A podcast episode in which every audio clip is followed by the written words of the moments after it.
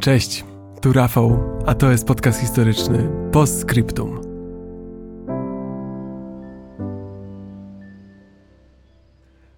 Witajcie, moi drodzy słuchacze. Po raz kolejny przybywam do Was, by tchnąć życie w historię, ale dziś nasza podróż przebiegnie nieco inną ścieżką, taką mniej uczęszczaną. Witajcie w podcaście historycznym Postscriptum, czyli w nowym towarzyszu podcastu historycznego, a jednocześnie w świecie samym w sobie. Oto mój pomysł.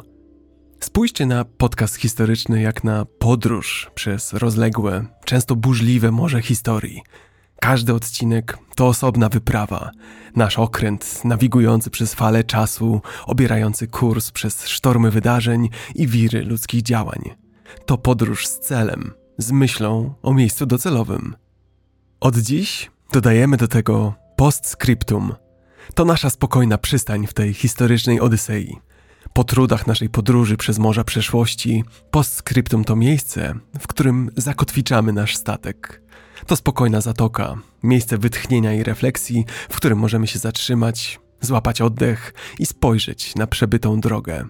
Tutaj, w tej właśnie przystani, dajemy sobie czas na wyciągnięcie wniosków z naszej podróży, zrozumienie znaczeń kryjących się za wydarzeniami, które zbadaliśmy i na połączenie tych historycznych kropek z naszymi osobistymi doświadczeniami.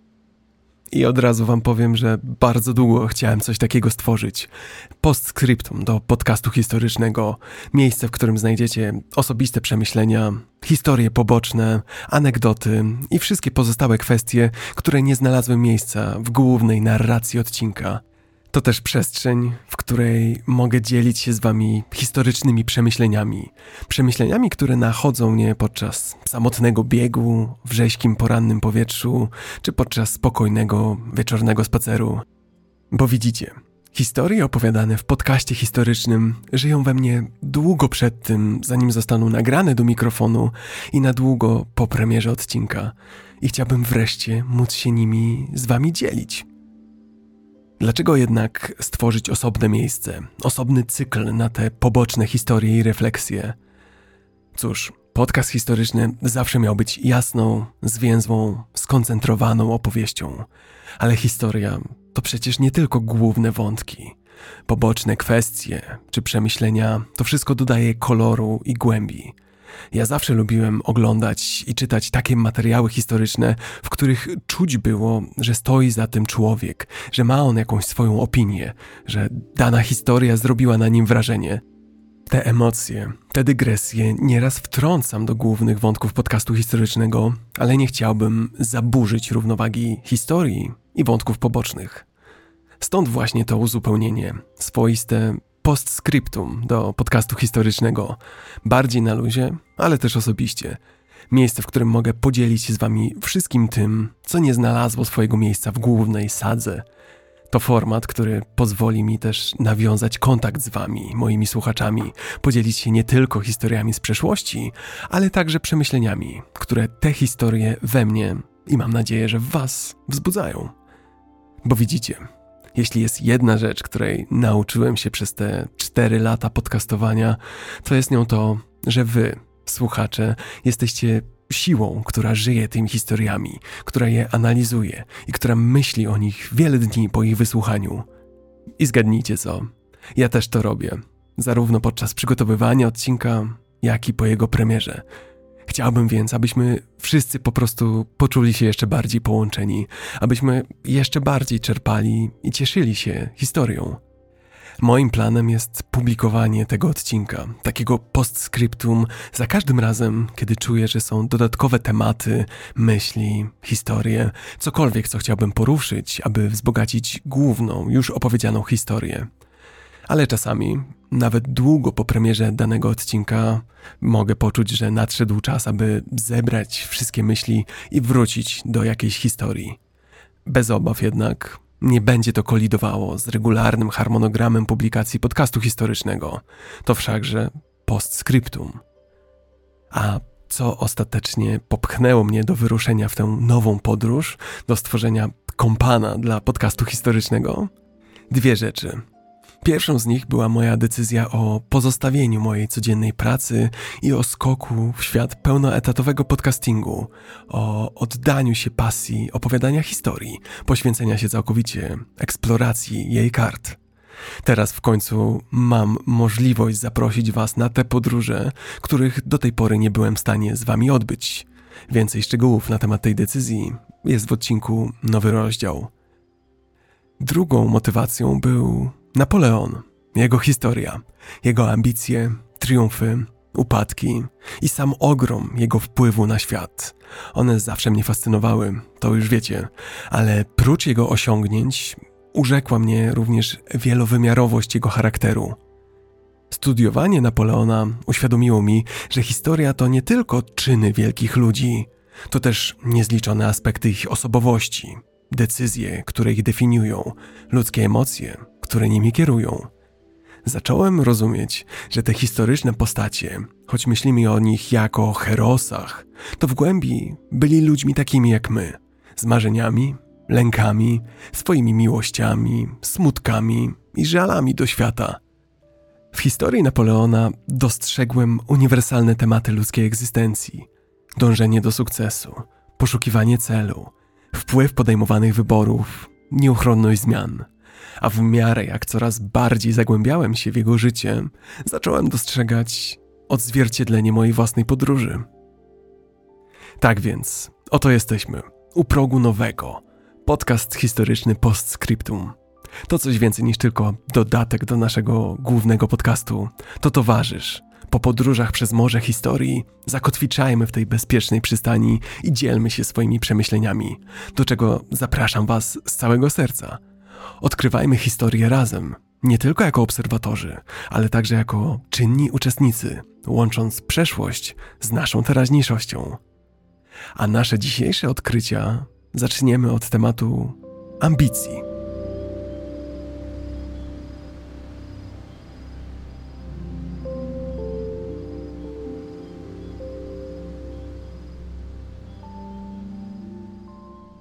Ambicje Napoleona były tak ogromne jak imperium, które chciał zbudować. Od brukowanych uliczek Ajaccio na Korsyce, przez wielkie aleje Paryża, po inne europejskie stolice. Jego pragnienie wielkości nie znało granic. Młody żołnierz, napędzany ideałami rewolucji, szybko piął się po szczeblach kariery. Zawdzięczał to dwóm rzeczom: swojemu geniuszowi wojskowemu, ale także niezaspokojonemu głodowi sukcesu. Oto Napoleon, ledwie po trzydziestce, chwytający stery polityki narodu pogrążonego w chaosie, pewny siebie dowódca, stojący na tle piramid, spoglądający na starożytną krainę i snujący wizję nowego imperium. Samokoronowany cesarz, zmieniający nie tylko Francję, ale także samą ideę rządów. Każda z tych chwil jest świadectwem, jak wielka jest siła ambicji. Ale zauważcie proszę jedną rzecz – Ambicją Napoleona była nie tylko władza, nie chodziło mu tylko rządzenie. Dążył do transformacji, do zmiany, do pozostawienia po sobie śladu, do metaforycznego wybudowania pomnika, który przetrwa wieki. Kodeks Napoleona, podbój i przeobrażenie Europy, płomienie nacjonalizmu, które podsycał, to były jego celowe działania, Działania człowieka, który rozumiał, że ambicja jest siłą, która pozwoli mu zapisać się na kartach historii. Ale zatrzymajmy się na chwilę. Ambicja nie jest tylko domeną cesarzy i generałów. Drzemie ona w każdym z nas, w naszych marzeniach, naszych celach, naszym nieustannym dążeniu do osiągania, do marzenia o czymś więcej, do stworzenia czegoś wielkiego. Chcemy być dumni z siebie i chcemy, by inni byli dumni z nas. I pozwólcie, że powiem wam jedno. Badając historię Napoleona, wiele razy spoglądałem jak w lustro na własne życie. Tak jak podróż Napoleona z Korsyki na tron Francji była ścieżką naznaczoną pragnieniem osiągania, tak moja własna ścieżka życia była i jest kształtowana przez ambicje, mniejsze i większe.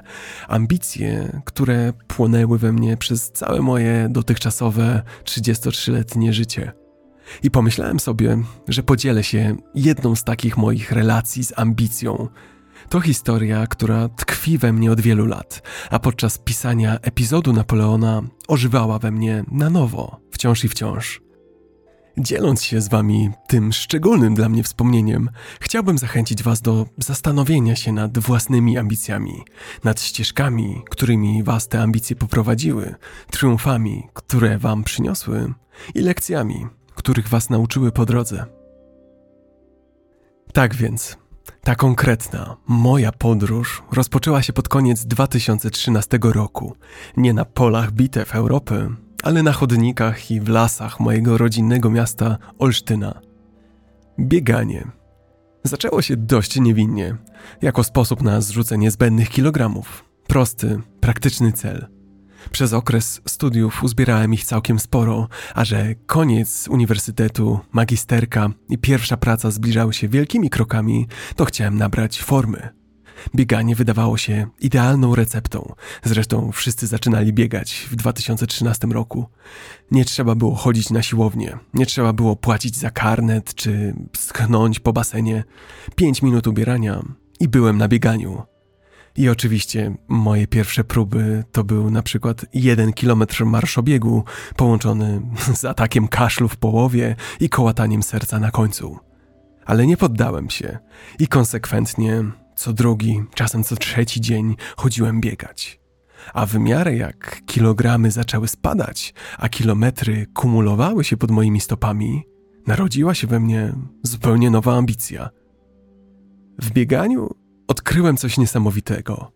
System osiągnięć i nagród. System prosty, jak i skuteczny. Każdy krok, każdy bieg stały się częścią cyklu samodoskonalenia i gratyfikacji – im więcej biegałem, tym bardziej rosła moja wytrzymałość, a to pozwalało mi biegać dłużej, eksplorować dalej i zagłębiać się w medytacyjną radość z biegania. Trzy kilometry, pięć, siedem, wreszcie dziesięć kilometrów, a potem nawet piętnaście. Zacząłem odkrywać nieznane mi zakątki Olsztyna, a potem wokół Olsztyna. Czułem się już jak odkrywca, choć mieszkałem przecież w tym mieście od urodzenia. A jaki dumny byłem z tego, że odkrywam siłą własnych nóg, że pokonuję dystanse, które dotychczas w życiu pokonywałem samochodem. Moja dieta również stała się integralną częścią tego cyklu. Zauważyłem, że im lepiej się odżywiam, tym sprawniej biegam. Jedzenie, które wybierałem do zasilania mojego organizmu, bezpośrednio wpływało na moją wydajność i szybkość. Jeśli wieczorem na przykład zjadłem pizzę cztery sery, albo jeśli w weekend nagrodziłem się swoimi ulubionymi orzeszkami solonymi, to następnego dnia w ogóle nie miałem ochoty biegać, a każdy krok sprawiał mi trudność. Czułem ciężar na żołądku. Ale jeśli na przykład zrobiłem coś, co było dla mnie nie do pomyślenia przez cały okres studiów, czyli ugotowałem sobie ryż i dodałem do tego mieszankę warzyw, to następnego dnia czułem, jakbym zatankował wysokooktanowe paliwo. Budziłem się przed budzikiem, chciało mi się biegać. To było tak, jakby moje ciało było precyzyjnie dostrojonym silnikiem, reagującym na to, co w niego wlewam. I ta wzajemna zależność między bieganiem a dietą stworzyła w moim życiu doskonały system gratyfikacyjny. Każdy zdrowy posiłek był krokiem w kierunku lepszego biegu, a każdy udany bieg zachęcał mnie do utrzymania diety, a zarazem pozwalał mi marzyć o tym, by biec dalej. Był to harmonijny cykl, w którym moja dyscyplina w jednym aspekcie naturalnie wzmacniała drugi. Począwszy od 2014 roku, ledwie pół roku po tym, jak zacząłem biegać, nie chodziło już tylko o kondycję czy o zrzucanie kilogramów. Zaczęło mi chodzić o przekraczanie granic, o szybkość, wytrzymałość, o czysty dreszczyk emocji związany ze ściganiem się z samym sobą, z rzucaniem sobie wyzwania. Chyba po raz pierwszy w życiu wówczas czułem, że moja inwestycja czasu i wysiłku przynosi jednostajny, stały zwrot. Przyszła więc pora zawieść poprzeczkę naprawdę wysoko. Zdecydowałem, że nie chcę bawić się w półśrodki, że chcę przebiec królewski dystans. Maraton. 42 km, 195 metrów. Maraton to więcej niż próba siły. To rytuał, chrzest bojowy dla każdego biegacza, to wyzwanie, które testuje granice waszych możliwości. Kiedy postanowiłem podjąć się tego zadania, mój umysł naturalnie zainteresował się historycznymi początkami maratonu.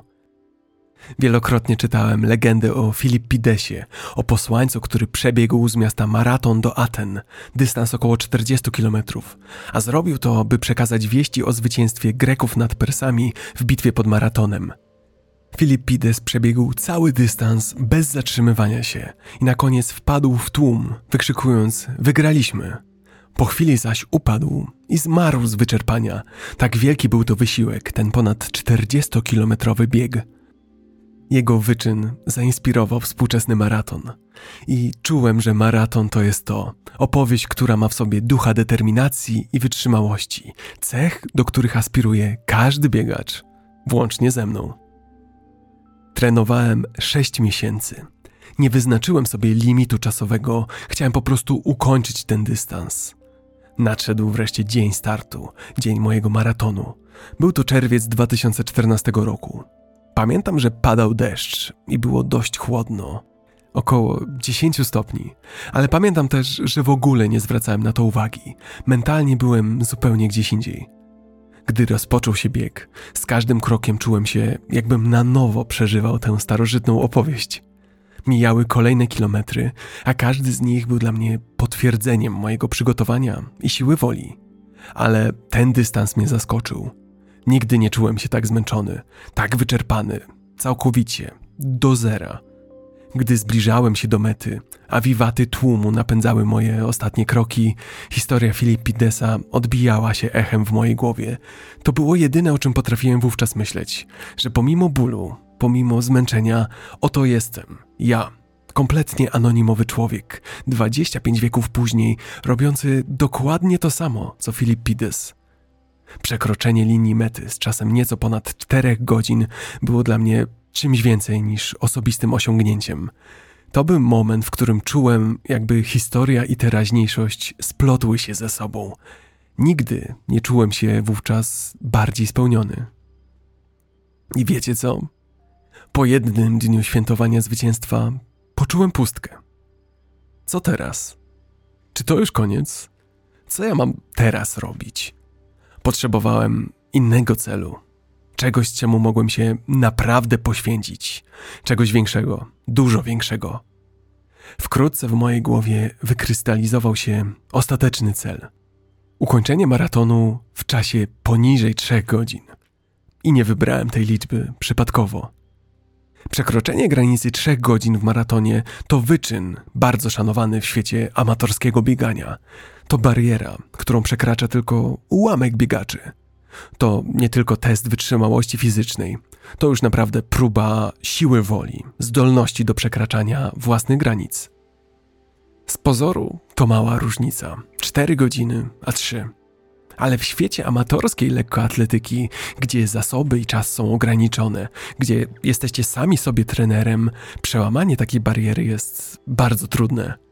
Przebiegnięcie maratonu w czasie poniżej 3 godzin oznacza utrzymanie tempa, które dla wielu jest sprintem na dystansie, który dla większości jest krótką trasą samochodową. Aby przedstawić to w bardziej namacalnej skali, dam wam taki przykład. Maraton w czasie poniżej 3 godzin oznacza utrzymanie średniego tempa 4 minut i 15 sekund na każdym pokonanym przez Was kilometrze. Na całym dystansie oczywiście 42 km 195 metrów. Przebiegnijcie 100 metrów w 25 sekund, a następnie zróbcie to 420 razy z rzędu, bez przerwy. Innymi słowy, to prędkość 15 km na godzinę przez 3 godziny z rzędu. To nawet dla wielu rowerzystów jest wymagającym tempem, zwłaszcza gdy utrzymuje się go przez tak długi czas. I był to cel, który wszyscy mi odradzali. Mówili, że za wcześnie, że zacząłem biegać dwa lata temu, że zrobię sobie krzywdę, że złapię kontuzję, że to nie ma sensu, że właściwie po co mi to. I właśnie dlatego, że to była tak wysoko zawieszona poprzeczka, właśnie dlatego, że to był tak trudny, ale teoretycznie możliwy cel, właśnie dlatego tak bardzo tego pragnąłem. I tak oto, od lipca 2014 roku, by gonić za tym marzeniem, moje życie przeszło transformację. Dni, które kiedyś spędzałem beztrosko, teraz były skrupulatnie rozplanowane wokół mojego biegowego grafiku. Długie, kilkugodzinne sesje treningowe stały się podstawą mojej codziennej rutyny, często zostawiając mnie tak wyczerpanym, że zasypiałem w najbardziej nieoczekiwanych momentach dnia. Spotkania towarzyskie ze znajomymi, ulubione potrawy jak pierogi, spontaniczne plany, wypady wszystko to zeszło na dalszy plan, ustępując miejsca pochłaniającej mnie ambicji pochłanianie książek i for biegowych, wizyty u fizjoterapeuty, by leczyć kontuzje, wizyty u dietetyka, by lepiej zasilać organizm. Pamiętam, że wieczorami siedziałem przed laptopem, analizując na monitorze mój dzisiejszy trening i popijałem zielone smoothie. Naprawdę paskudne, bo składające się głównie z jarmużu, buraków, siemienia lnianego i na przykład jednego banana i jabłka. Moje życie stało się starannie zaaranżowanym tańcem, w którym każdy krok, każdy takt był tak ustawiony, by służyć jednemu celowi. Ta ośmiomiesięczna podróż od jesieni 2014 do kwietnia 2015 roku doprowadziła mnie do chwili, która na zawsze pozostanie w moim sercu. Maraton w Łodzi. Dzień, który był kulminacją trudu, determinacji i koncentracji. Od momentu startu miałem jedno zadanie: utrzymać tempo 4 minuty 15 sekund na każdym z nadchodzących 42 kilometrów. Podczas tego biegu bolało mnie wszystko. Mięśnie, nogi, to oczywiste, ale po 30 kilometrze bolały mnie włosy, bolały mnie zęby, bolała mnie twarz. Ostatnie pięć kilometrów maratonu miałem biało przed oczami. Błagałem sam siebie, by się zatrzymać. Przyrzekałem sobie, że już nigdy więcej nie nałożę butów biegowych, że nigdy więcej nie pójdę biegać. Jednocześnie wiedziałem, że jestem już bardzo daleko, że z każdym krokiem jestem bliżej końca, że niedługo już nie będę musiał robić ani kroku dalej, że to się wszystko niedługo skończy. Pamiętam tylko urywki ostatnich kilometrów. Pamiętam basowe dźwięki dochodzące z Atlas Areny w Łodzi, na której znajdował się finish.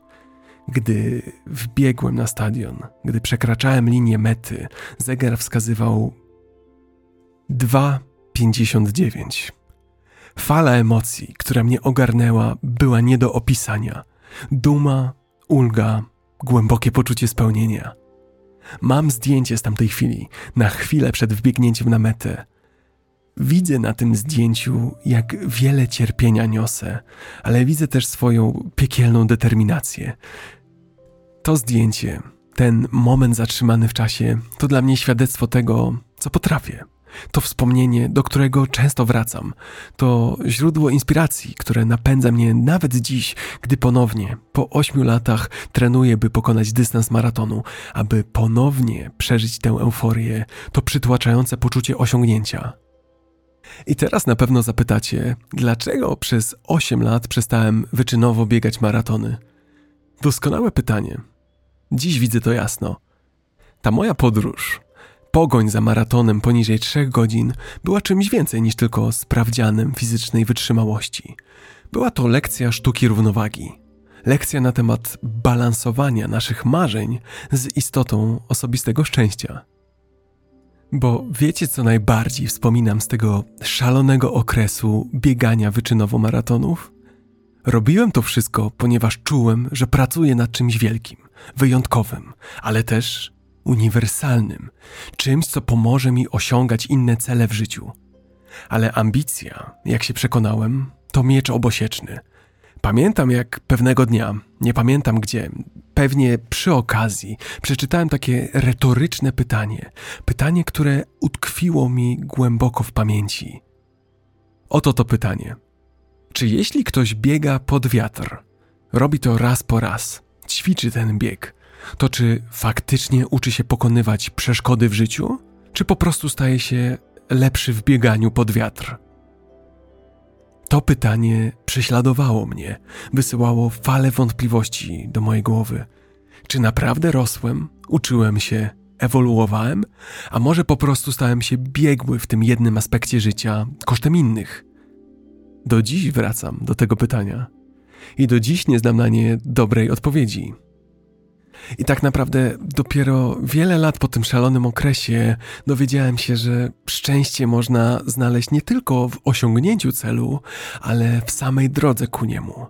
Jest ono we wczesnych porannych biegach, gdy świat się budzi, ale jest też we wspólnocie z bliskimi, którzy dzielą i wspierają Was i Waszą pasję. Ta podróż nauczyła mnie, że szczęście nie powinno być przyćmione przez ambicje, może być z nią pięknie splecione, pod warunkiem jednak, że znajdziemy odpowiednią równowagę. Ja parę razy boleśnie sparzyłem się, właśnie nie dbając o równowagę. I tak oto, zastanawiając się nad początkami mojej biegowej podróży, nasuwa mi się analogia do ścieżki wzlotu Napoleona. Początkowo, kiedy zaczynałem biegać, nie było to wcale pewne, że coś z tego będzie. Jednak w miarę postępów zdałem sobie sprawę, że mam do tego smykałkę. Lubiłem to. Nie musiałem się zmuszać do biegania. Co więcej, mogłem posuwać się dalej, biegać szybciej, stale się doskonalić. A teraz pomyślcie o Napoleonie. Nie wyruszał on z Korsyki z przekonaniem, że pewnego dnia będzie rządził większością Europy. To raczej jego koncentracja, zdolność do rozpoznawania tego, co robił dobrze oraz poświęcenie się ulepszaniu i udoskonalaniu swoich strategii pchały go do przodu. Te wczesne militarne i polityczne sukcesy Napoleona wskazywały mu drogę na szczyt. Apetyt jednak rośnie w miarę jedzenia. I tak też było w przypadku Napoleona jego kolejnych i kolejnych sukcesów. Był biegły w wykorzystywaniu okazji, w wyciąganiu wniosków z każdego przedsięwzięcia i w precyzyjnym planowaniu kolejnych ruchów. W przypadku Napoleona nie była to ślepa ambicja, to była skalkulowana, strategiczna wspinaczka, wspinaczka połączona z obserwacją i adaptacją do zmieniających się okoliczności. Myślę sobie, że zarówno w moim biegu, jak i w kampaniach Napoleona był jasny cel. Ostateczny, nadrzędny cel, który kierował każdą decyzją, każdym krokiem. Napoleonowi zależało na czymś więcej niż na zwycięstwach. Chciał kształtować epokę, chciał zapisać się na kartach historii. Dla mnie przekroczenie granicy trzech godzin w maratonie stało się symbolem osobistego triumfu, wbrew wszystkiemu i wszystkim. Pokazanie, że potrafię, że mogę. I wydaje mi się, że ta klarowność celu jest niezwykle istotna. Cel to latarnia, która prowadzi nas przez morze ambicji. Mając cel, nawet w obliczu wyrzeczeń i wyzwań, pozostajemy wierni naszemu kursowi, bo wiemy po co i dokąd zmierzamy. I gdy tak teraz o tym wszystkim sobie myślę, to uważam historię Napoleona za przestrogę. Jego życie, jego historia dobrze pokazuje, jak bardzo złożone są ludzkie ambicje, ale przypomina nam też, aby ostrożnie pielęgnować nasze aspiracje, aby podchodzić do realizacji naszych celów z poczuciem odpowiedzialności wobec siebie i innych. I tego życzę, zarówno Wam, jak i sobie. Wyruszajmy w nasze podróże nie tylko z celem, ale i z sercem. Z sercem równie troskliwym, co odważnym, równie wrażliwym, co zdeterminowanym. I dbajmy o to, by w naszym dążeniu do wielkości nie stracić z oczu tego, co naprawdę ważne. A teraz zmieńmy odrobinę narrację do drugiej części przemyśleń, które towarzyszyły mi podczas tworzenia odcinka o Napoleonie, a chodzi o relacje i związki.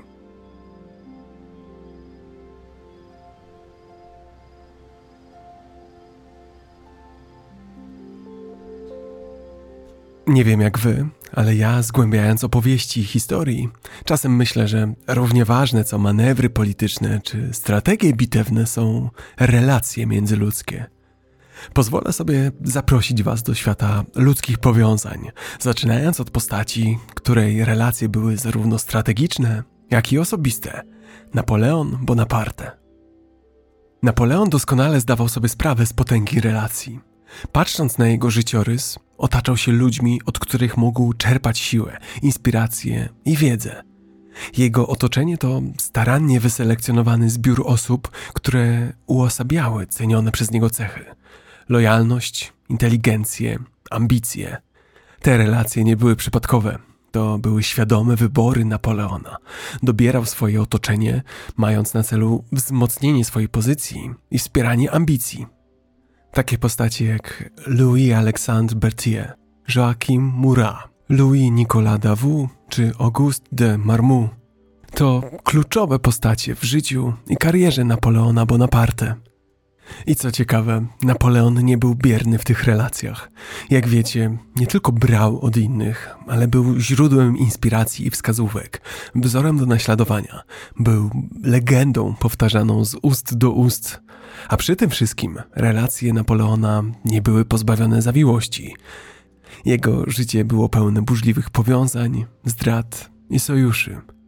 I rozmyślając nad siatką relacji Napoleona, widzę trochę jak w soczewce podobieństwa do naszej życiowej, codziennej podróży, ale też dylematy, z którymi tak jak my mierzył się Napoleon. Jestem ciekaw Waszych przemyśleń, a moje są następujące. Po pierwsze, tak ważne jest to, kim się otaczamy. Nie da się przecenić roli naszego otoczenia, naszych znajomych i bliskich. Podobnie jak ogrodnik starannie dobierający rośliny do swojego ogrodu, musimy być ostrożni, jeśli chodzi o ludzi, których wpuszczamy do intymnych sfer naszego życia. Bo przestrzeń w naszym życiu, podobnie jak w ogrodzie, nie jest nieskończona. Te osoby, które w cudzysłowie sadzimy wokół siebie, mogą i powinny być źródłem inspiracji, katalizatorem rozwoju i zwierciadłem odbijającym nasze mocne i słabe strony. To one kształtują nasze myśli, wpływają na nasze decyzje i na wiele sposobów wyznaczają kierunek naszej życiowej podróży. Znaczenie nie leży w ilości naszych relacji, ale w ich jakości, w głębi, szczerości i wzajemnym szacunku, które je definiują. Ale myślę też sobie, że istotą sensownych relacji jest ich wzajemność, wzajemna wymiana troski, inspiracji i wsparcia. W idealnym związku przepływ energii jest dwukierunkowy. Ja troszczę się o ciebie, a ty troszczysz się o mnie. Ja inspiruję ciebie, a ty inspirujesz mnie. Taka symbioza jest tym, co daje nam, jakby to określić, tlen. To wzajemny wysiłek, który jest realizowany z empatią i zrozumieniem, który prowadzi do związków, które wytrzymują całe lata, niejedną próbę, i które trwają w najlepsze, pomimo przeciwności. Sam mam takich relacji bardzo niewiele, ale są one tym bardziej cenne.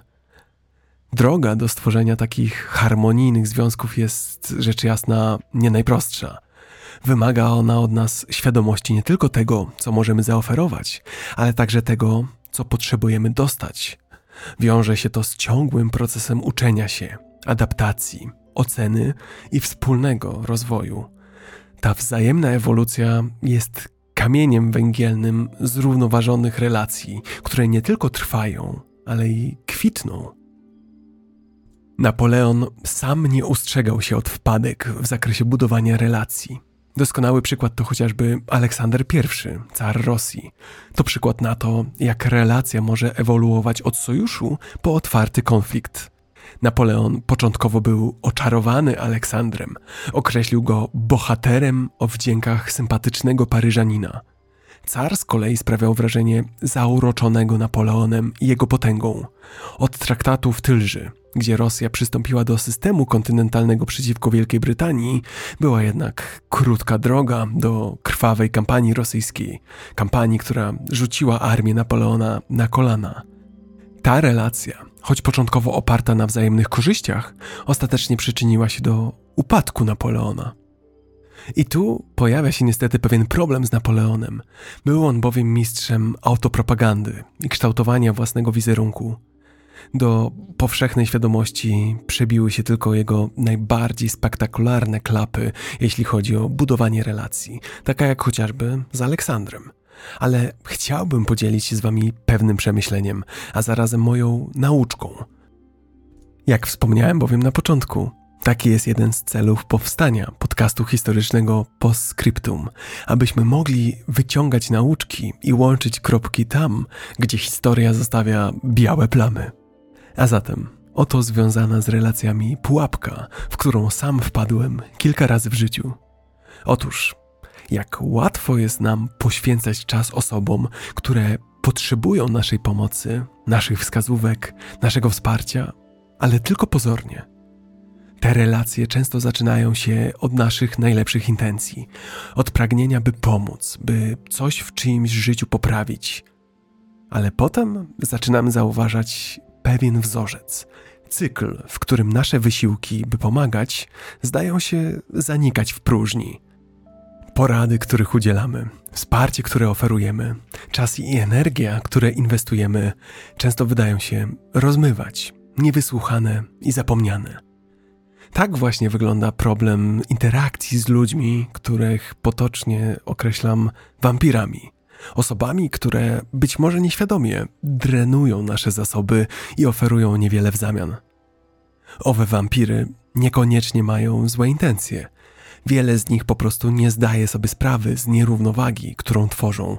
Może też zmagają się z własnymi zawiłościami, które uniemożliwiają im odwzajemnienie lub ewolucję w związku. To całkowicie zrozumiałe, ale ich wpływ na nas jest jednak namacalny. Tworzą sytuację, w której przepływ energii w związku jest głównie jednokierunkowy, przez co czujemy się wyczerpani, zarówno emocjonalnie, jak i psychicznie. Nie zrozumcie mnie proszę źle. Niesienie pomocy, bycie przy kimś w potrzebie jest szlachetną i istotną częścią więzi międzyludzkich. Powinniśmy być źródłem wsparcia i siły dla innych. Ale i to właśnie tego na własnej skórze się nauczyłem. Ważnym aspektem pielęgnowania zdrowych relacji jest rozpoznawanie, kiedy związek stał się nieproduktywny, jednostronny. Trzeba umieć rozliczać drugą osobę. Kiedy na przykład okazuje się, że nieustannie poświęcamy nasz czas i zasoby komuś, kto nigdy nie słucha, kto nigdy nie podejmuje kroków w celu zmiany lub rozwoju, ale kto wciąż i wciąż wraca do nas z tymi samymi problemami, to moim zdaniem nadchodzi taki czas, aby ponownie ocenić tę relację. Musimy być gotowi wystawić rachunek, mówiąc wprost, pokazać bilans naszych wysiłków i ich rezultatów. I ponownie, nie chodzi mi o odwracanie się plecami do tych, którzy nas potrzebują. Chodzi raczej o ustalanie granic, o uświadomienie sobie, że chociaż możemy zaoferować wsparcie, to ostatecznie ciężar odpowiedzialności za zmianę spoczywa na tej konkretnej osobie. Dziś do wielu relacji podszedłbym inaczej. Żałuję, że nie potrafiłem wcześniej rozpoznawać, że wysiłki trafiają w próżnię i że nie miałem odwagi, by stawiać granice, by wycofać się wcześniej, ale przede wszystkim, by jasno to komunikować – Wierzę, że taki akt wycofania jest nie tylko dla nas i dla naszego dobrego stanu psychicznego, ale także jest potężnym przesłaniem dla drugiej osoby, wezwaniem do wzięcia odpowiedzialności za swoją podróż, do znalezienia w sobie siły, o której wiemy, że istnieje, ale która z jakiegoś powodu pozostaje uśpiona. Ale jest jeszcze coś. W chwilach refleksji zastanawiam się czasami, jakby to było, gdyby w wielu sytuacjach inni byli ze mną absolutnie szczerzy. Gdyby ktoś powiedział mi prosto w oczy, że relacja, którą budujemy razem, staje się jednostronna, bezproduktywna, że to ja stałem się bierny, że nadszedł czas, abym wziął się w garść, że kluczem do zdrowych relacji jest transparentność i otwarta komunikacja. Myślę nieraz o tym, jak wiele mogłem się nauczyć wcześniej, jak wiele błędów mogłem uniknąć. Czasem potrzebujemy tej trudnej, ale szczerej konfrontacji, by otworzyć oczy na prawdę, która może być bolesna, ale jest niezbędna do wzrostu. To właśnie transparentność i szczera komunikacja są fundamentem, na którym możemy budować trwałe, wzajemnie satysfakcjonujące związki, relacje, które przynoszą wzajemne korzyści, a nie prowadzą do jednostronnej zależności. Podsumowując, myślę, że każda nitka relacji kształtuje naszą własną historię. Te związki, czy to ulotne, czy trwające całe życie, znacząco wpływają na to, co pozostawiamy po sobie. I właśnie dlatego tak pouczające jest spojrzenie na nie przez pryzmat postaci takich jak Napoleon Bonaparte, ale także przez historię w ogóle. Napoleon został ukształtowany przez swoje związki i relacje osobiste. Od romantycznych perypetii po polityczne sojusze, każdy związek był częścią jego dorobku. Jego małżeństwo z Józefiną, pełne namiętności, wpłynęło na jego życie osobiste, a zarazem wizerunek publiczny. Jego interakcje z generałami i doradcami wpłynęły na jego decyzje i strategie, a jego stosunki z innymi narodami i przywódcami ukształtowały krajobraz XIX-wiecznej Europy. Patrząc na Napoleona, wyraźnie widzimy, że osobiste relacje mogą zmienić trajektorię historii. Ale historia pełna jest takich inspirujących relacji. Na przykład Albert Einstein i Niels Bohr. Einstein, ikona fizyki, Bohr, pionier mechaniki kwantowej. Pomimo różnic w podejściu naukowym, dzielili głęboki wzajemny szacunek. Szczególnie ich debaty na temat paradoksów mechaniki kwantowej wniosły znaczący wkład w rozwój tej dziedziny. A John Adams i Thomas Jefferson ta historia to prawdziwa lekcja politycznego i osobistego rozwoju. Obaj, będąc ojcami założycielami Stanów Zjednoczonych, przeżyli swoje polityczne wzloty i upadki. Ich rywalizacja, przesycona ideami i ambicjami, zmieniła się w głęboką przyjaźń. Listy, które do siebie pisali, są pełne refleksji i dojrzałości i są bardzo cennym dokumentem historycznym a ich śmierć w tym samym dniu, 4 lipca 1826 roku, wydaje się symbolicznym finałem tej niezwykłej relacji. A Maria Skłodowska-Curie i Pierre Curie to opowieść o miłości i nauce, o dwóch sercach bijących w rytm badawczych odkryć. Małżeństwo Marii i Piera, wspólnie odkrywające tajniki radioaktywności, co zaowocowało Nagrodą Nobla – relacja oparta na wzajemnym podziwie i wspólnych pasjach. To była siła napędowa ich badań. Tragiczna śmierć Piera w 1906 roku była ciosem dla Marii, ale nie zatrzymała jej w drodze naukowej. Kontynuowała ich wspólną pracę, zostając pierwszą kobietą uhonorowaną Nagrodą Nobla, a potem jako jedyną w historii, dwukrotnie w różnych dziedzinach nauki. Ale to wszystko nie dotyczy tylko postaci historycznych wielkiego formatu. Każdy z nas na własnej skórze doświadcza podobnego zjawiska. Ludzie, których kochamy, z którymi pracujemy i z którymi codziennie wchodzimy w interakcje, kształtują nasze wybory, przekonania i działania. Wpływają na to, jak postrzegamy świat i jak na niego reagujemy. Nasze związki mogą być źródłem siły, inspiracji i motywacji, mogą popychać nas do osiągania więcej, niż moglibyśmy osiągnąć w pojedynkę. Mogą być także źródłem wyzwań i konfliktów. A to wszystko jest dla nas szansą, szansą adaptacji i polerowania tych pozytywnych stron. Niezależnie czy mowa o mentorach, którzy nas prowadzą, przyjaciołach, którzy nas wspierają, czy o przeciwnikach, którzy rzucają nam wyzwanie, każdy z nich odgrywa rolę w budowaniu historii tego, kim jesteśmy. W historii relacje były siłą napędową traktatów i wojen, odkryć i wynalazków, współpracy artystycznej i ruchów ideologicznych. To właśnie one ukształtowały społeczeństwa i kultury. Spójrzcie na jakikolwiek ważny moment w historii, a zobaczycie za nim sieć osobistych relacji, które wpływały na rezultat. Ale chyba najbardziej o relacjach lubię myśleć w ten sposób. Są one częścią naszego dziedzictwa, historią, którą piszemy – wspomnienia, które pozostawiamy w sercach i umysłach innych, zmiany, które zainspirowaliśmy w tych, których napotkaliśmy, to są właśnie prawdziwe miary naszego dziedzictwa. Długo po tym, jak już nas nie będzie, te ślady wciąż będą żyć poprzez innych ludzi.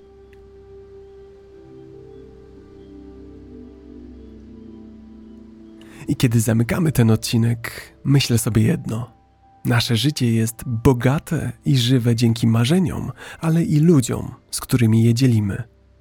Dlatego chciałbym zostawić Was z pewną myślą, ale też mam nadzieję zaczynem do Waszej osobistej refleksji i zastanowienia się.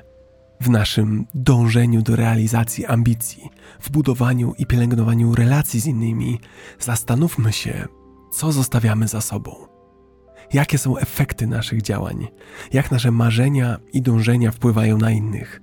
Czy w naszym pośpiechu do osiągania celów nie tracimy z oczu tego, co naprawdę ważne? To pytanie, które ostatnio również często sobie zadaję i jak skończę nagrywać ten odcinek, zamierzam wybrać się na spacer, aby ponownie przemyśleć to wszystko jeszcze raz.